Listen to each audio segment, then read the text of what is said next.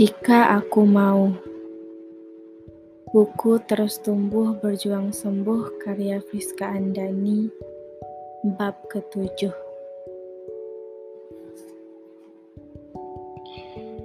Jika aku mau maka aku tidak ingin kamu bahagia atas sakit yang kurasa. Melihatmu bahagia adalah sedih buatku. Tapi kau tahu, aku tak melakukannya. Sebab saat keadaan membalik dan kau terlihat sedih, tak juga membuatku membaik. Jika aku mau, maka di setiap doa jahatku, aku ingin kau merasakan hal yang sama. Tersakiti oleh orang yang dengan sengaja telah kau buat jatuh hati. Jika aku mau, aku ingin kau menyesal seumur hidupmu sebab tak memilih aku. Memberimu alasan yang seolah bisa aku terima untuk menyingkir dariku. Jika aku mau, maka aku ingin kau menangis setiap malam tersebab perbuatan yang kau lakukan pada lukaku yang kian menganga. Aku ingin mengutukmu atas setiap kesebentaran yang kau singgahi.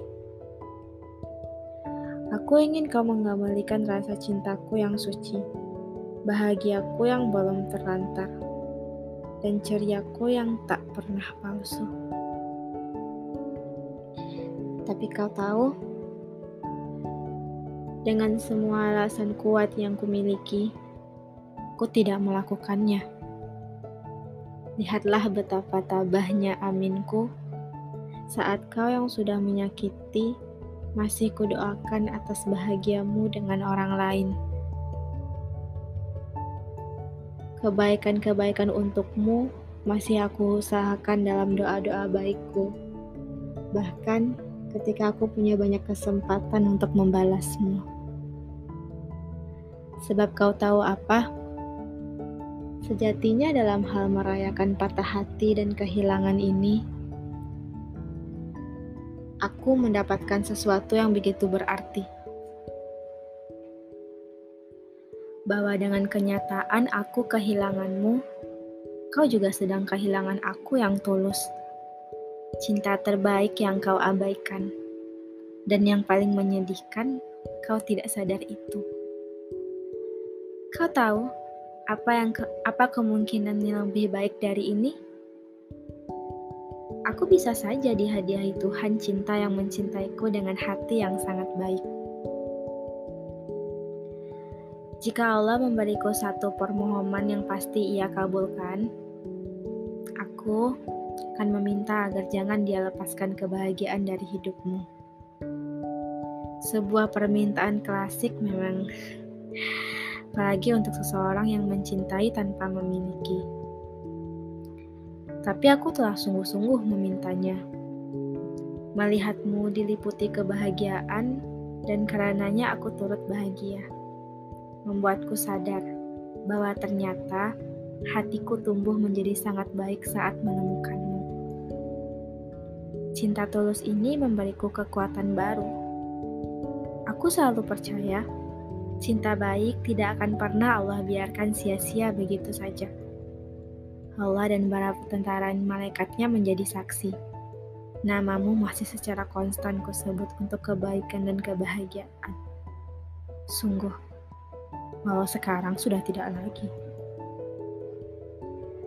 Segala sedih dalam hal mengingatmu perlahan memudar. Aku menemukan pengalihan. Aku disibukkan dengan banyak hal. Aku menjaga agar jangan sampai dalam beberapa bulan ke depan aku melihatmu.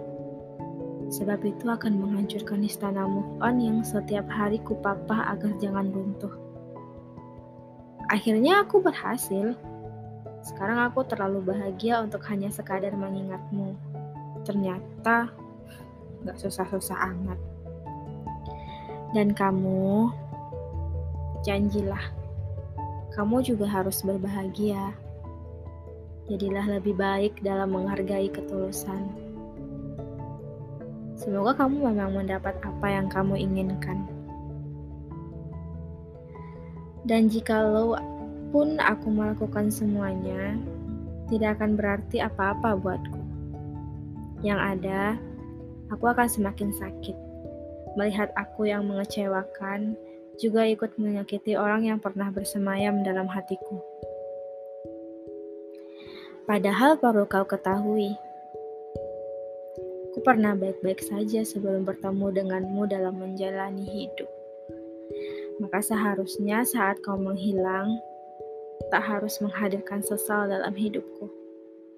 Sebab aku sudah melalui ribuan hari indah tanpa kamu di masa lalu sebelum kamu yang jahat muncul entah dari mana. Menyabotase, menduduki hatiku dengan kekuasaan mutlak. Apaan itu?